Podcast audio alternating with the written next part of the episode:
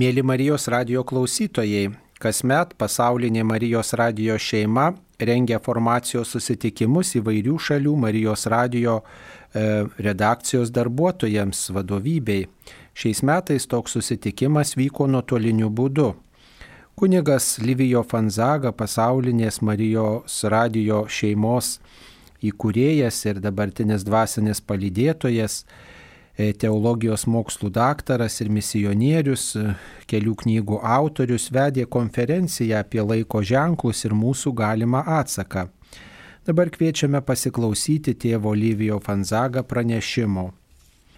Mėly Marijos radio bičiuliai, kviečiame įvertinti situaciją, kurioje atsidūrėme po šio siaubingo koronaviruso metų patirties. Pripažindami padėties sunkumą, siekiame atpažinti žmonių poreikius, kurie yra susiję ne tik su sveikatos reikalais, bet ir su bažnyčia šiuo didelių išbandymų metu.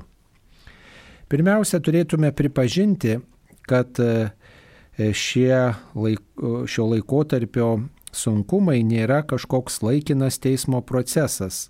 Galbūt kai kam tai atėjo į galvą pandemijos pradžioje. Tikėjomės, kad vasara viskas baigsis, bet iš tikrųjų supratome, kad įžengėme į daugybės išbandymų laiką, kuris daro didelę įtaką mūsų kasdieniam gyvenimui.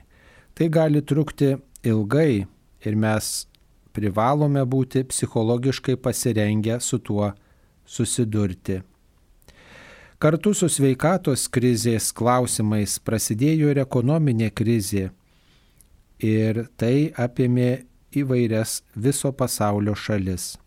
Tai palėtė ne tik įsivyščiusią šalis, bet ir skurdesnius kraštus, e, kuriuose žmonės gyvena gaudami ekonominę pagalbą. Labai stipriai nukentėjo Afrikos šalis, kurių dėl pandemijos nepasiekia ekonominė parama. Po sveikatos, ekonominės ir socialinės krizės taip pat gali įvykti ir politinė krizė, o tai reiškia, kad galime patirti reikšmingą virsmą. Iš tiesų pastaraisiais mėnesiais daug kalbame apie pasaulio vyriausybę reikalingą kovai su virusu. Yra apokaliptinių vizijų šiuo klausimu ir nežinome, kiek tai yra moksliška. Deja, būtent tai mums sako, kad ateityje žmonija pereis prie tokio tipo visuomenės, kurioje trūks pagrindinių laisvių visų pirma mums brangios religijos laisvės. Tai yra rimti pokyčiai, kurie greitai vyksta ir jie yra beveik įgyvendin, įgyvendinami ir dėl kurių dabartinė krizė ir žmonių patiriamos problemos gali tapti dar rimtesnės. Iš tikrųjų nėra jokių abejonių, kad kol kas vienintelė veiksminga priemonė kovai su virusu buvo karantinas, bet atsiribojimas sukėlė izolaciją, vienatvę, depresiją ir daug psichologinių problemų, kurios yra nemažiau rimtos nei pats koronavirusas. Taigi mes susidurėme su nustebusią žmoniją, kuri regi pasaulio griuvimą ir bandymą sunkiai atsinaujinti, gerai suprantant, jog tai bus ilga varginanti kelionė. Be šių plika akimi matomų krizių yra viena, kuri yra blogiausia - moralinė krizė. Žmonijos buvimo be Dievo pasiekmė ir todėl gyvenimo be šviesos, be tiesos, moralės, gyvenimo prasmės, be objektyvos vertės. Ir tai e, šios, šios prasmės, šios tiesos yra neginčytinos. Vaizduojant pasaulio situaciją, atsižvelgiant į tai, kaip jie atrodo danguje, Marija, taikos karalienė, pastaraisiais mėnesiais daug kartų leido suprasti, kad pasaulyje vyksta karas, neapykanta ir kad žmonėse daug pykčio. Tai krizė, kurią turime pripažinti, į kurią įžengė žmonija, kol kas nematyti pabaigos. Tačiau pažvelgus į šį istorinį momentą tikėjimo šviesoje, ta kamuojanti mūsų laiką krizė prasidėjo seniai, bet pastaraisiais dešimtmečiais tik pasunkėjo. Ši religinė krizė pasireiškė krikščionybės atmetimu ir dešimtimis tų, tūkstančių tuščių parduodamų bažnyčių Europoje. Religinė praktika drastiškai sumažėjo beveik visose Europos šalyse, išskyrus keletą išimčių. Pasaulietiškumas, ateistinė ir materialistinė pasaulyje žiūra pradeda traukti paprastus žmonės. Tai yra tikrai rimčiausias klausimas, kurį turime prieš akis. Ir senosios krikščionybės šalis kenčia daug labiau negu Afrikos ir Azijos šalis, kur krikščionių bendruomenės yra daug jaunesnės. Deja, Europoje ir Amerikoje krikščioniško tikėjimo vietoje vyrauja radikaliai kitokia pasaulio vizija. Dievo motina tai pavadino naujų pasaulių be Dievo. Tai yra pasaulių, kuriame nebėra Dievo, kur žmogus užima Dievo vietą, kur tik mūsų visata egzistuoja. Neminima, kad visatą sukūrė Dievas. Žmogus yra laikomas grinai biologiniu evoliucijos padariniu, todėl žmogus neturi sielos, moralės, privalomo moralinio įstatymo ir jokios amžinybės. Taip suprantama šių laikų tiesa. Iš esmės žmogus, e, žmogaus samprata sutrumpinama vien tik tai iki materijos ir kuris su pasididžiavimu save pastato Dievo vietoje, taip sunaikindamas kertinius kūrybos akmenis. Popiežius Benediktas, dabar jau emeritas, paskutinėje savo viešoje kalboje e, ugningai žodžiais pabrėžė tai, ką jis mato šio laikinėme pasaulyje. Tai yra pačių kūrybos pamatų sunaikinimas žmogus paverčiamas produktu.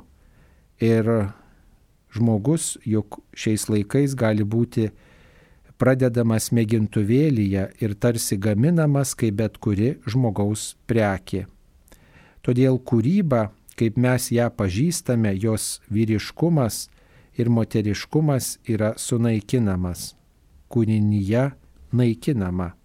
Neigiama, kad vyras ir moteris yra sukurti pagal Dievo paveikslą. Paneigiamos pagrindinės žmogaus kaip kūrinio savybės - jo vyriškumas, moteriškumas, tėvystė, motinystė, šeima. Popiežius emeritas Benediktas pabrėžė tokius ženklus.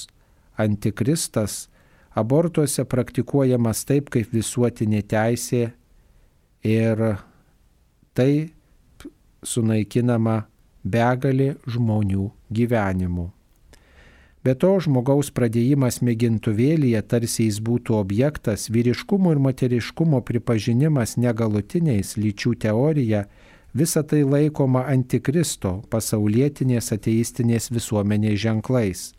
Tai vyksta prieš mūsų akis, sunaikinamas žmogaus šeimos, iš esmės viso to, ką sukūrė Dievas ir pačių kertinių kūrinių kūrimo ir atpirkimo darbas.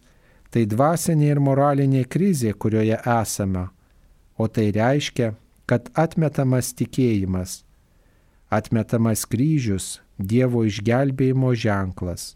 Žmogus gelbsti save, pats save programuoja, laiko save gelbėtoju ir pasaulio šeimininku. Visą tai priveda prie to, ką labai aiškiai išreiškia katalikų bažnyčios katekizmas. Tai galima skaityti atsivertę 675 numerėlį. Tokio tipo visuomenė, kai žmogus sodina save į Dievo vietą ir nori save išgelbėti, užima Dievo vietą net kūrimo ir atpirkimo tikslais. Žmogus kuria save ir gelbsti savo intelektualu, intelektu, technologijomis bei mokslo pasiekimais. Popiežius emeritas Benediktas, kalbėdamas apie antikristo ženklus, būtent šį katekizmo skyrių ir nurodo.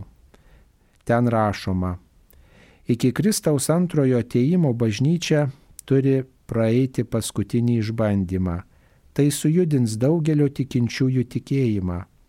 Persekiojimas lydės bažnyčios kelionę žemėje atsiras netikros religinės apgaulės forma, siūlanti žmonėms jų problemų sprendimą atsisakant tiesos. Iš esmės tai reiškia tiesos atsisakymą. Žmogus atmetė tikėjimą ir kryžių ir vietoj išganimo, kuris ateina iš Kristaus, renkasi patogią apgaulę. Tai yra antikristo apgaulė, pseudomesienizmas, kai žmogus šlovina save vietoje Dievo, savo mesijo. Toliau kunigas Lyvijo Fanzaga sako, vietoj krikščioniško gyvenimo ir istorijos dabar yra nauja gyvenimo ir istorijos vizija - ateistinė, materialistinė, kurioje šlovinamas žmogus. Tai suprantama kaip religinė apgaulė. Daugelis popiežių perspėjo apie valdantįjį pasaulio elitą, kuris savo įtaką nori paveršti visas žiniasklaidos priemonės. Ši mąstysena plinta per žiniasklaidą ir socialinius tinklus, tuo pačiu neleisdama viešai reikšti krikščioniškos nuomonės. Tokia mąstysena brukama mūsų vaikams mokykloje. Jie mokomi, kad žmogus yra materijos produktas, kad žmogus neturi sielos, kad Dievo gali ir nebūti, nėra nemirtingumo, jokio moralinio dėsnio, kad žmogus gali viską, net panaikinti vyriškumą ir moteriškumą. Visa šiandienos degradacijos atributika pateikiama kaip mokslas, kaip išmintis, kaip tiesa. Toks mąstymas vis labiau plinta. Jis įsiskverbia į smegenis ir tampa vis nepakantesnis atsiribojantiems nuo tokio mąstymo gali kilti pavojus. Mums vis labiau trukdoma skelbti tiesą. Priežastis ta, kad toks mąstymas pasireiškia noru kontroliuoti žmonės, diktuoti, kaip turėtume elgtis, gyventi savo gyvenimą. Persekiojamas gali būti administracinis, kultūrinis, dėl kurio net bažnyčiose gali būti sunku pasakyti krikščionišką tiesą, nes ji gali prieštarauti valdančiųjų nuomoniai. Krikščioniška žinia perdaroma į pseudo tiesą ir viešai nuolat skelbiama žiniasklaidoje. Tikrosios tiesos skelbimas tarsi tampa nepriimtinas.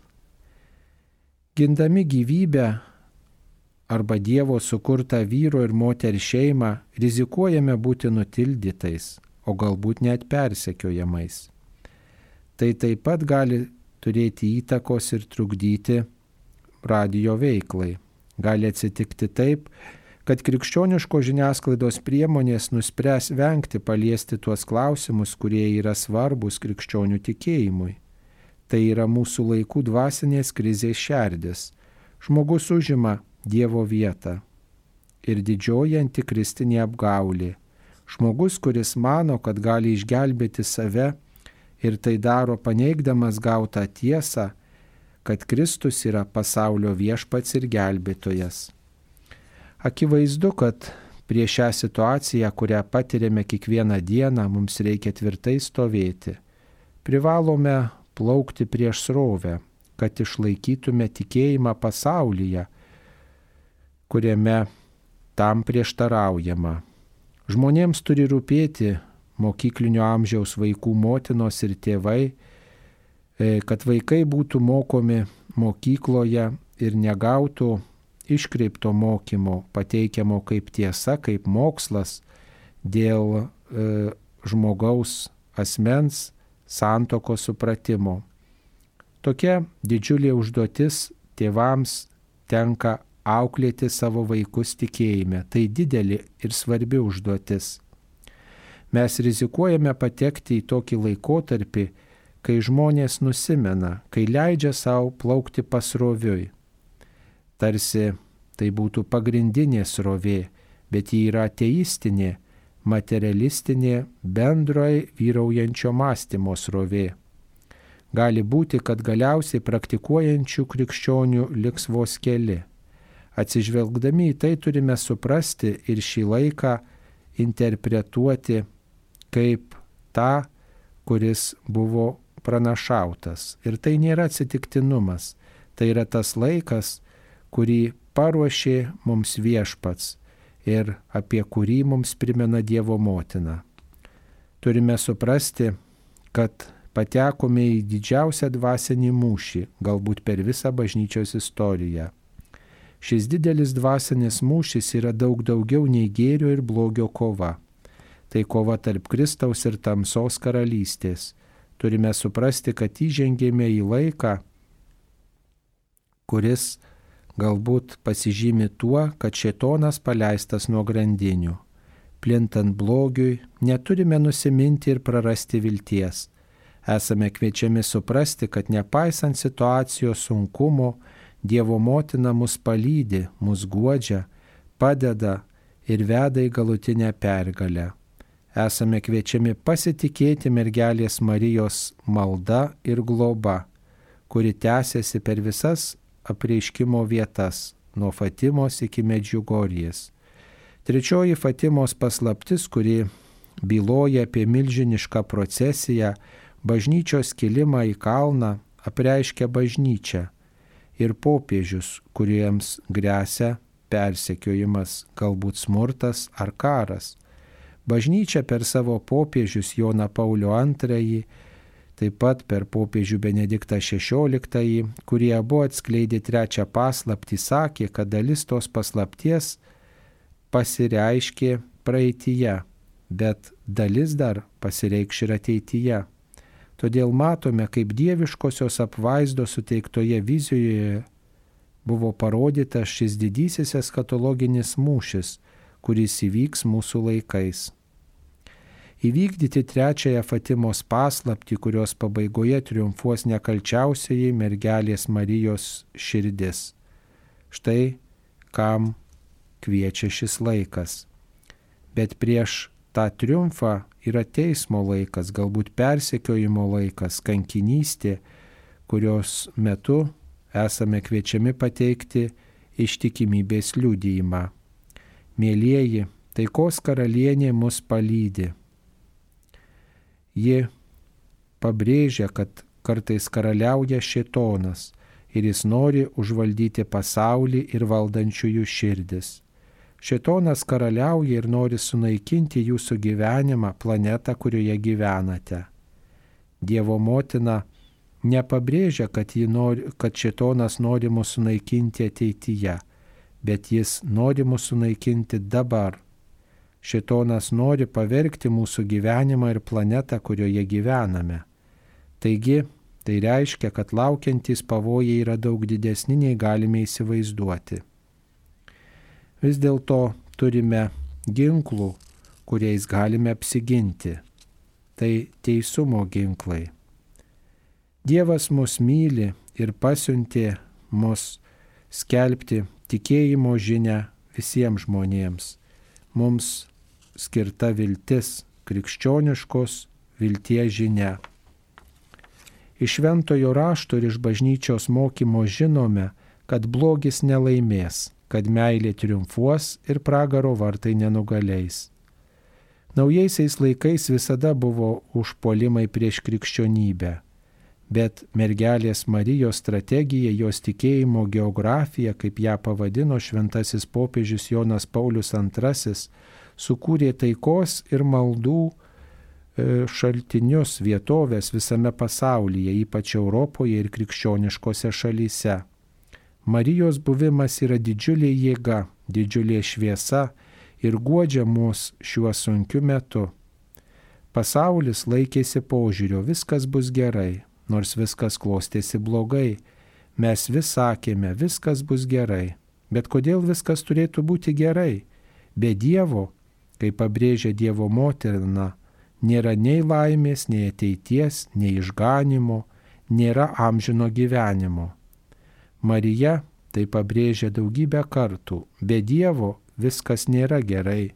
Be Dievo viskas blogai. Be Dievo gyvenimas neturi prasmės. Dievas siunčia motiną Mariją mums ir šiuo ypatingu metu ir turėtume klausytis, ką mergelė Marija mums nori pasakyti. Ji kviečia tvarkyti mūsų gyvenimą, grįžti pas Dievą, grįžti į tikėjimą, grįžti prie maldos. Įkviečia mus atsiversti, gyventi Dievo malonėje, pranašaudama išbandymus, ji dažnai drąsina žmonės ir kviečia melstis dieną ir naktį. Dievo motina liepia mums padėti jai pakeisti pasaulį ir šis dvasinis mūšis bus jos pergalė. Tai paskatins ramybės ir klėstėjimo laiką visai žmonijai. Esame kviečiami su meilė žvelgti į netikinčius brolius ir seseris, kviesti juos melstis, pasitikėti Dievu ir grįžti pas jį. Mums reikia įžiepti šviesą žmonijos tamsoje. Mūsų krikščionių pareiga liūdyti pergalės tikrumą ir padėti žmonėms nepasiduoti blogiui, patirti širdies pokyčius ir raginti būti kantriais, ištverti išbandymo akivaizdoje. Mes esame kviečiami būti Dievo motinos bendradarbiai, jos žodžiais, jos akimis, jos širdimis, rankomis, kurios gali veikti. Kadangi šitonas veikia per galingus, aukšto rango žmonės, todėl Dievo motina pasitelkia mažuosius, kuklius, paprastus, kaip ji tai skelbė apsilankydama pas Elsbietą, nes viešpats numerita galinguosius nuo sostų ir išaukština nuolankiuosius. Laikų pabaiga nebus bažnyčios trumpas. Tai bus kelionė į Kalvariją iki prisikėlimo dienos, kai Kristus ateis savo šlovėje teisdamas pasaulį. Mes nesame vieni, mėly draugai, bet gyvename tuo metu, kai Dievo motina kviečia mus į talką padėti, kad triumfuotų jos nekalčiausioji širdis. Kunigas Lyvijo Fanzaga, pasaulinės radio šeimos programų direktorių patarėjas.